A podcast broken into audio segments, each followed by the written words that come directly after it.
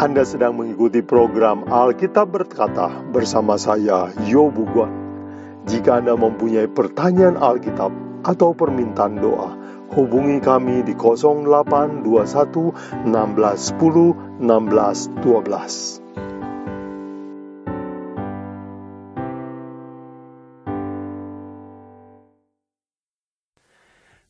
Bapak Ibu, Saudara sekalian, selamat bergabung kembali dalam pelajaran Alkitab berkata hari ini.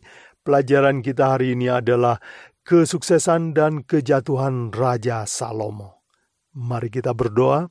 Bapa di dalam surga, terima kasih kami diberikan Alkitab penuh dengan catatan tentang kesalahan manusia.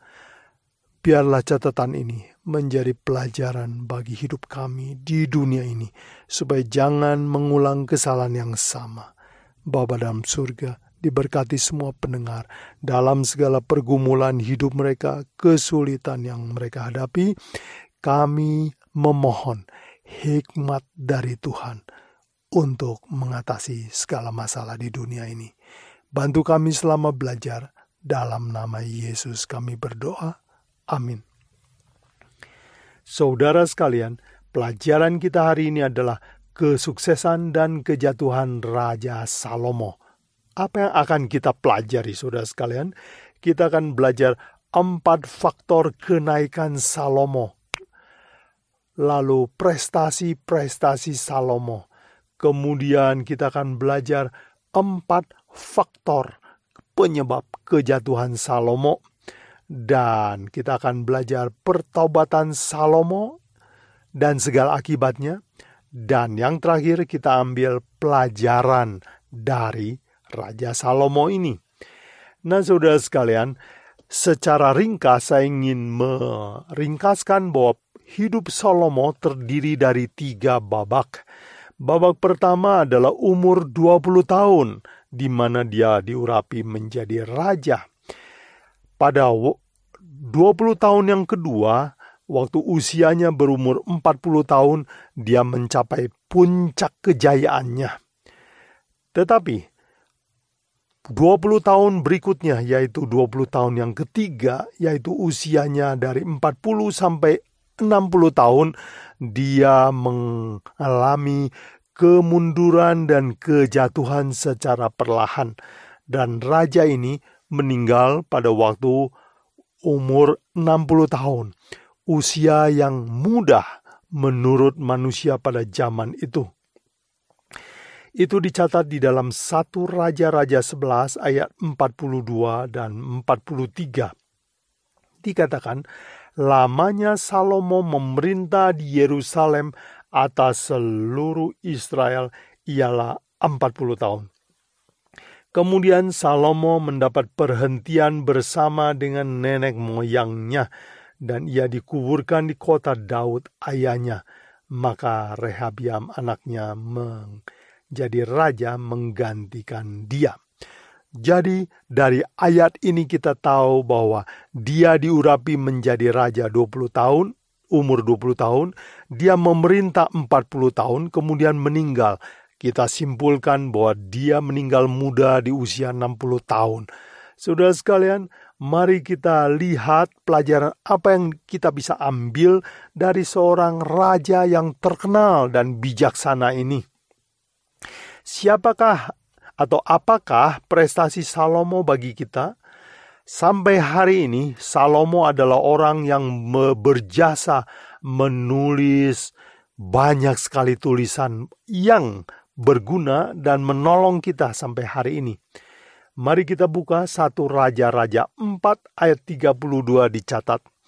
Ia mengubah 3000 amsal dan nyanyiannya ada 1005. Jadi dia adalah seorang sastrawan yang hebat menulis amsal sebanyak 3000 dan dia adalah seorang musisi juga dan dia menulis nyanyian ada seribu lima. Banyak sekali. Kalau saudara memperhatikan di dalam Alkitab, dia menulis di lima bagian. Tulisannya dicatat dalam lima bagian di Alkitab. Yang pertama, Mazmur 72 itu adalah karangan Raja Salomo. Mazmur 127 juga karangan Salomo. Kemudian yang ketiga, kitab Amsal disebut Amsal Salomon. Itu adalah tulisan dia. Kemudian yang keempat adalah buku Kidung Agung, juga karya Salomo.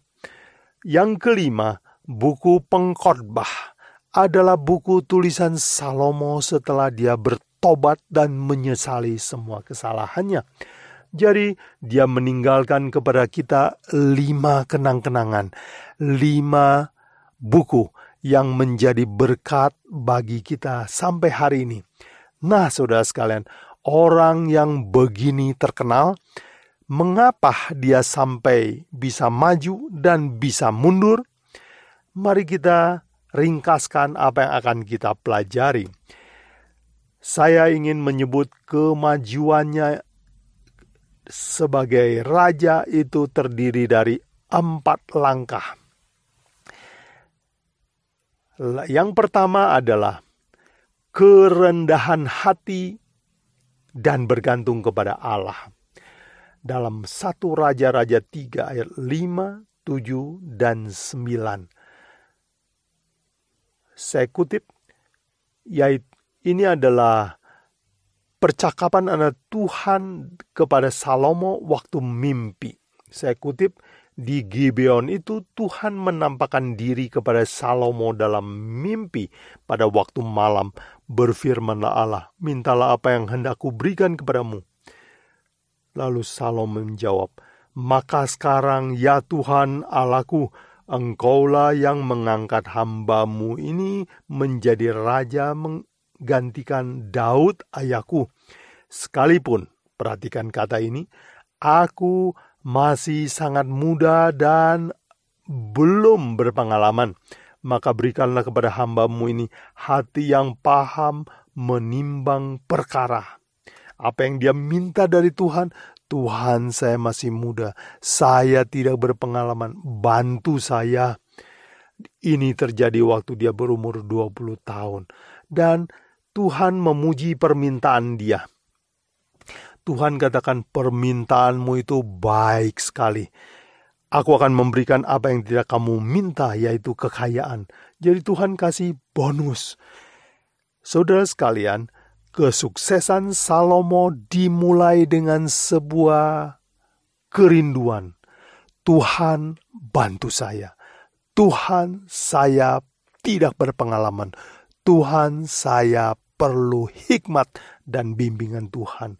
Sebuah sikap permulaan yang bagus untuk maju. Bapak, ibu, saudara sekalian, itu menjadi pelajaran bagi kita semua, bukan? Faktor kedua yang menyebabkan Salomo maju adalah segala sesuatu untuk kemuliaan Tuhan kita baca di dalam satu Raja-Raja 6 ayat 1. Dan terpuji, terjadilah pada tahun keempat ratus, saya ulangi, dan terjadilah pada tahun keempat ratus delapan puluh sesudah orang Israel keluar dari tanah Mesir. Pada tahun keempat sesudah Salomo menjadi raja atas Israel dalam bulan Ziu, yakni bulan yang kedua, maka Salomo mendirikan rumah bagi Tuhan. Apa yang dia lakukan? Empat tahun setelah menjadi raja, yang dia pikirkan adalah bagaimana memuliakan Tuhan. Dia ingat akan rencana ayahnya mendirikan bait suci Tuhan. Itu sebabnya dia memulai pelaksanaannya. Yang ketiga, apa yang menyebabkan kemajuan dan kesuksesan Salomo, yaitu yang ketiga, dia menuruti hukum-hukum Tuhan dengan ketat dan teliti, dengan sangat teguh. Mari kita baca di dalam satu Raja-Raja 9 ayat 4 dan 5 dikatakan, mengenai engkau Tuhan berkata, mengenai engkau, jika engkau hidup di hadapanku sama seperti Daud ayahmu, dengan tulus hati dan dengan benar, dan berbuat sesuai dengan segala yang kuperintahkan kepadamu, dan jika engkau tetap mengikuti segala ketetapan dan perintahku, maka aku akan meneguhkan takhta kerajaanmu atas Israel untuk selama-lamanya, seperti yang telah kujanjikan kepada Daud ayahmu dengan berkata, keturunanmu takkan terputus dari takhta kerajaan Israel. Tuhan berjanji setelah Raja Salomo 20 tahun setia kepada Tuhan dan Tuhan datang dalam mimpi kedua kali kepada Salomo dia katakan engkau setia dan kamu tet kalau tetap setia maka aku akan pegang janji bahwa kerajaan Israel akan terus menerus kuat. Jadi selama 20 tahun dia taat kepada semua perintah Tuhan. Faktor keempat, apa yang menyebabkan kemajuan Raja Salomo? Yaitu dia selalu pikirkan penginjilan, bagaimana menyelamatkan bangsanya dan juga orang asing. Mari kita lihat di dalam satu Raja-Raja 8 ayat 41 dan 43 waktu dia berdoa dalam penakbisan bait suci. Dia berdoa. Juga apabila seorang asing yang tidak termasuk umatmu Israel datang dari negeri jauh oleh karena namamu, maka engkau pun kiranya mendengarkannya dari surga, tempat kediamanmu yang tetap jadi di dalam mendirikan bait suci, dia bukan hanya pikirkan itu adalah tempat berdoa bagi bangsanya dan supaya Tuhan mendengar doa bangsanya, tetapi dia juga pikirkan apabila orang asing juga datang untuk berdoa, Tuhan engkau mendengar kiranya dari surga. Jadi faktor keempat yang membuat dia maju adalah dia selalu pikirkan penginjilan, dia selalu pikirkan keselamatan orang lain. Dan itu adalah rencana Tuhan. Sudah sekalian, empat faktor inilah yang saya perhatikan dari Alkitab membuat Tuhan memberkati dan mendukung kemajuan Salomo. Dan prestasi Salomo diberkati oleh Tuhan. Hasil karyanya luar biasa. Dia mendirikan bait suci yang dilapisi dengan emas. Itulah bangunan bait suci yang keagungannya tidak pernah ada saingannya lagi kemudian. Dan dia kerajaannya makin meluas menguasai dari Mesir sampai sungai Efrat. Dan prestasi penting lainnya adalah Israel pada waktu itu kuat dan sangat terkenal. Tuhan memberkati dia dengan kekayaan yang besar. Kemudian nama Tuhan didengar oleh orang lain. Sampai Tuhan menyebut Salomo sebagai Jededijah, artinya kekasih Allah. Dan bahkan dia terkenal dengan kebijaksanaannya sampai kebijaksanaannya terdengar sampai benua Afrika, terdengar oleh seorang ratu di Ethiopia namanya Ratu Sheba.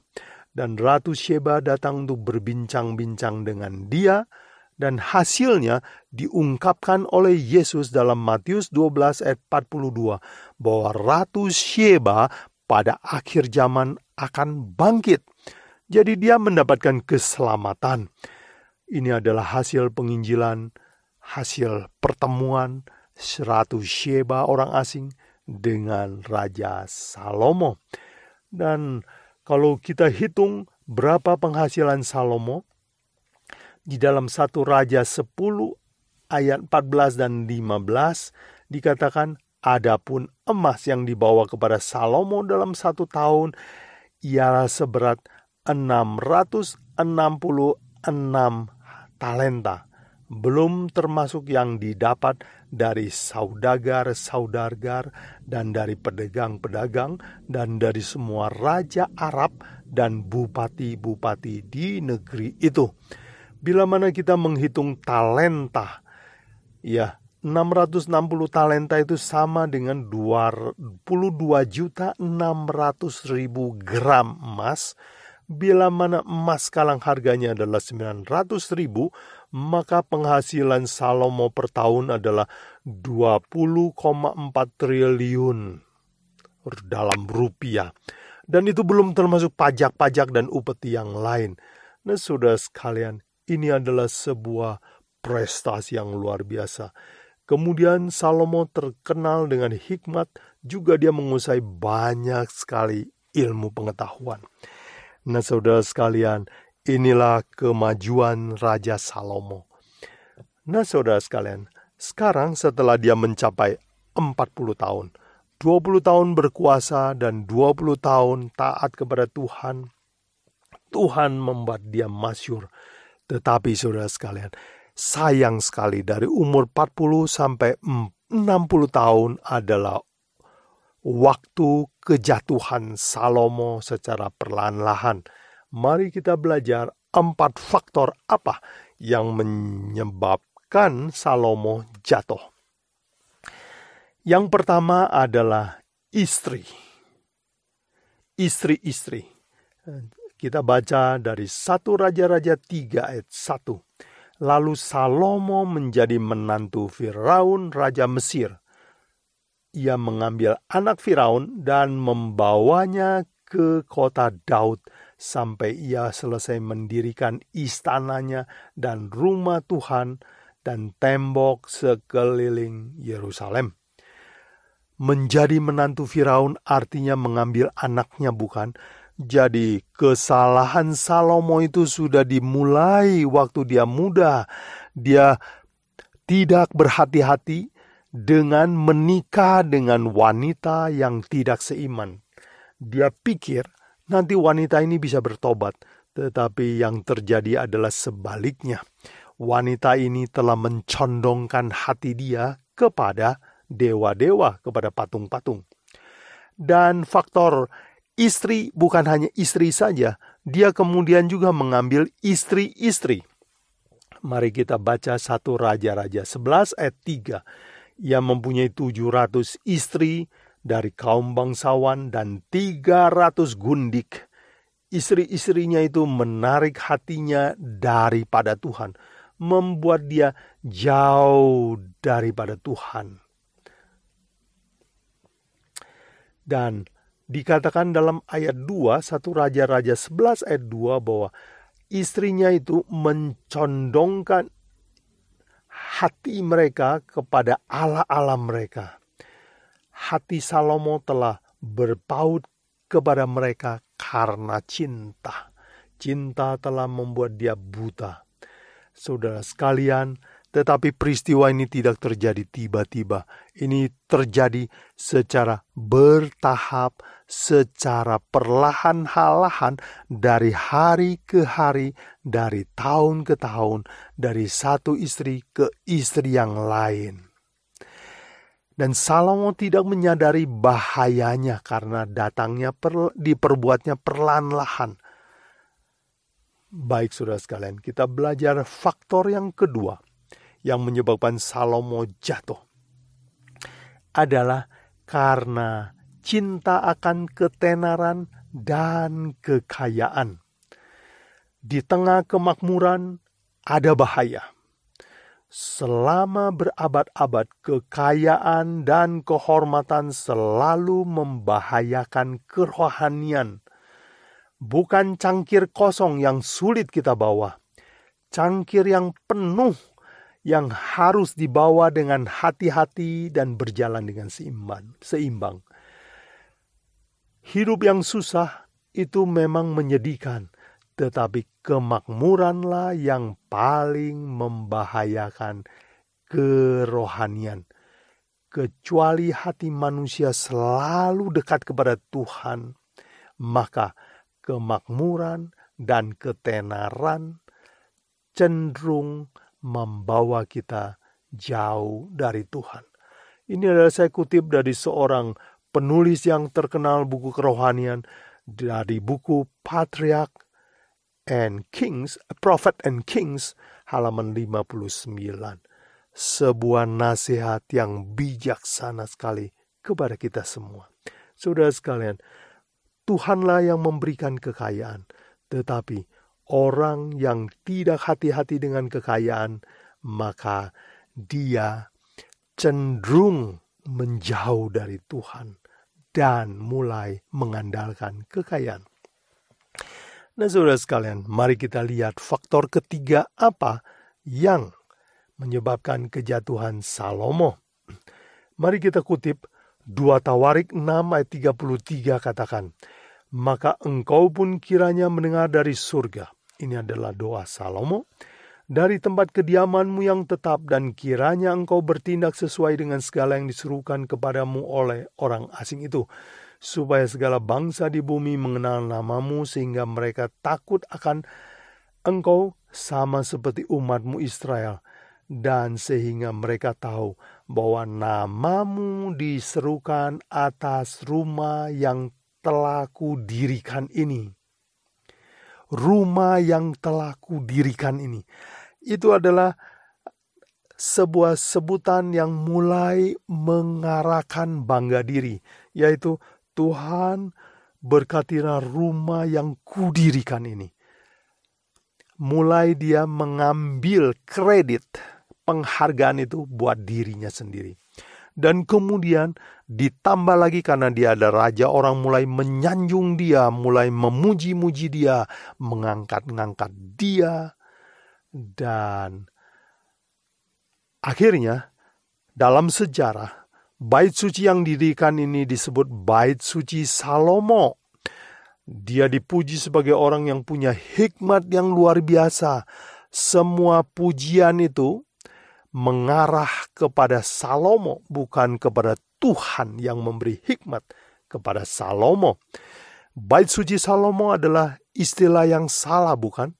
Nama yang tepat adalah bait suci Allah. Tetapi Salomo membiarkan orang-orang menyanjung-nyanjungnya dengan menyebutnya bait suci Salomo. Dan dia tidak melarang itu sehingga lama-kelamaan pikirannya mulai diyakinkan bahwa memang itu adalah prestasi dia. Jadi, Bapak Ibu Saudara sekalian, faktor ketiga yang menyebabkan Salomo jatuh adalah pujian. Pujian dan sanjungan adalah jalan yang pasti untuk menjatuhkan kita, menjauhkan kita dari Tuhan. Mari kita lihat faktor yang keempat. Apa yang membuat Salomo jatuh? Yaitu memanjakan diri. Mari kita baca apa pertobatan penyesalan Salomo. Dia tulis dalam kitab pengkhotbah. Saya kutip dari pengkhotbah 2 4 dikatakan, Aku melakukan segala pekerjaan-pekerjaan besar, mendirikan bagiku rumah-rumah dan menanami bagiku kebun-kebun anggur. Ayat 8, Aku mengumpulkan bagiku juga perak dan emas, harta benda raja-raja dan daerah-daerah. Aku mencari bagiku biduan-biduan dan biduanita-biduanita yang menyenangkan anak-anak manusia, yakni banyak gundik atau istri muda.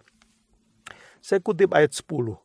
Aku tidak merintangi mataku dari apa pun yang dikehendakinya, dan aku tidak menahan diriku dari sukacita apa pun, sebab hatiku bersukacita karena segala jeripayaku.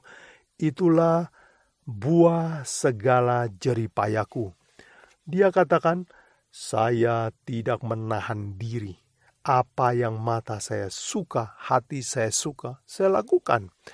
Dalam bahasa Inggris ini disebut indulgence, memanjakan diri, atau istilah lainnya adalah hedonis, Me bersenang-senang dalam hidup tanpa pengendalian diri.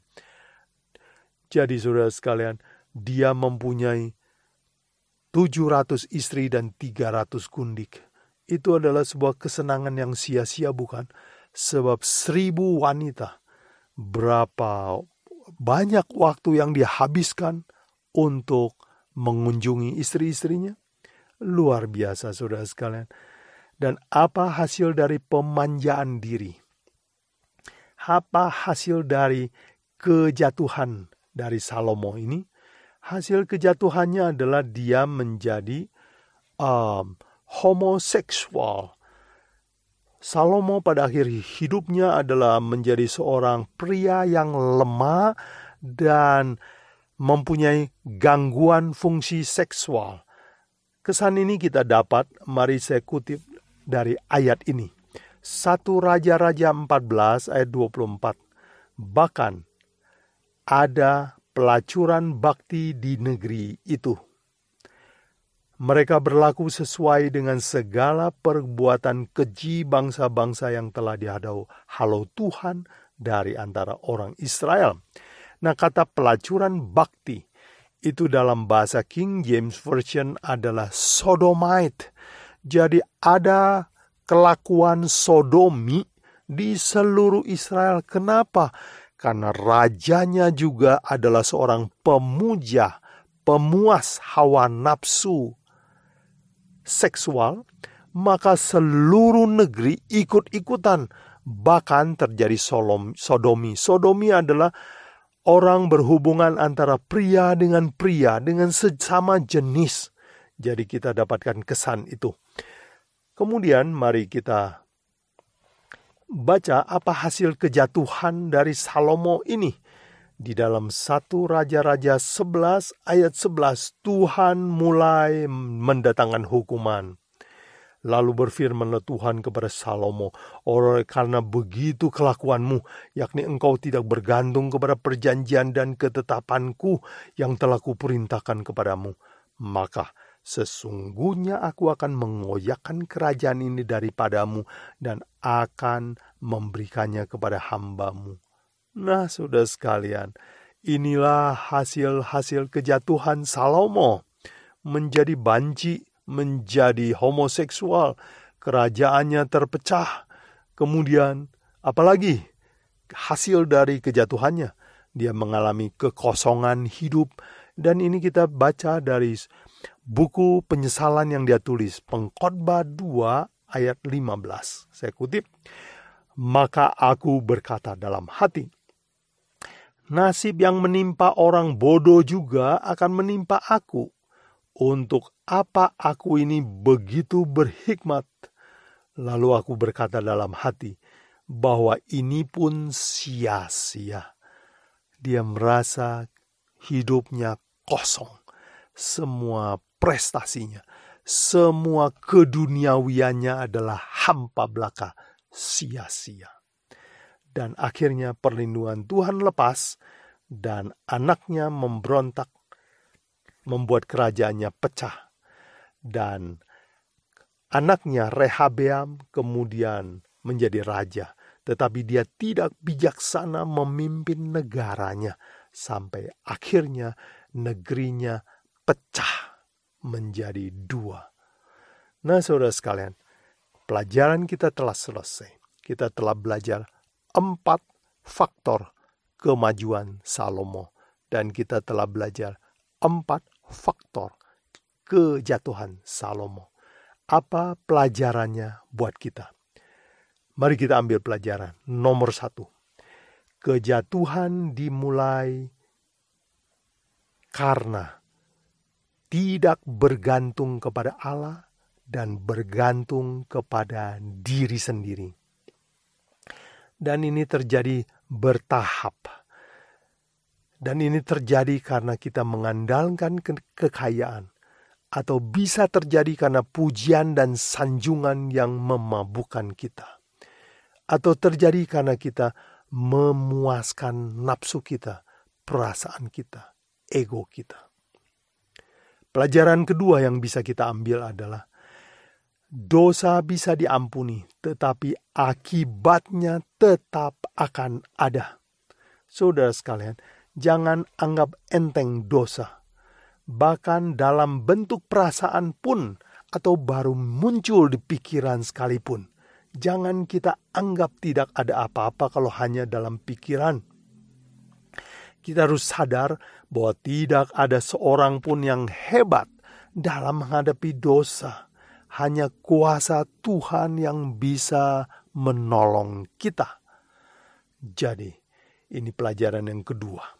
Pelajaran yang ketiga, apa yang bisa kita ambil? Kegagalan dan musibah adalah peringatan dari Allah. Ya. Di dalam satu Raja-Raja 11 ayat 14, Kemudian Tuhan membangkitkan seorang lawan Salomo yakni Hadad orang Edom. Ia dari keturunan Raja Edom. Sudah sekalian Tuhan membangkitkan musuh-musuh untuk menyadarkan Salomo akan kesalahannya. Sudah sekalian mungkin ada musibah, ada kegagalan, ada masalah rumah tangga, ada penyakit terjadi kepada kita. Kenapa? Itulah waktunya kita untuk merenung. Mungkin ada kesalahan yang kita buat, bukan? Jadi saudara sekalian, kegagalan adalah dan musibah adalah sebuah peringatan dari Tuhan. Dan saudara sekalian, mari kita ambil pelajaran yang keempat. Ambillah waktu untuk keluarga dan didiklah anak Anda. Jangan terlalu sibuk. Amsal 29 ayat 17 Salomo menulis, Didiklah anakmu, maka ia akan memberi ketenteraman kepadamu dan mendatangkan sukacita kepadamu. Pengkhotbah 4 ayat 8 dia tulis, ada seorang sendirian, tidak mempunyai anak laki-laki atau saudara laki-laki. Tetapi dia tidak berhenti-hentinya atau berlelah-lelah, mata pu, matanya pun tidak puas dengan kekayaan. Untuk siapa aku berlelah dan menolak kesenangan, itu pun kesia-siaan dan hal yang menyusahkan. Salomo terlalu sibuk sehingga dia tidak punya waktu untuk keluarga dan mendidik anak-anaknya dengan baik. Sehingga ketika anaknya menjadi raja, mereka tidak bijaksana, kerajaannya menjadi pecah. Salomo berkata, kalau engkau tidak mendidik anakmu baik-baik, buat apa kekayaanmu yang kamu kumpulkan semua? Buat apa kesuksesan yang engkau rintis? Itu akan menjadi musibah bagi keturunanmu nanti.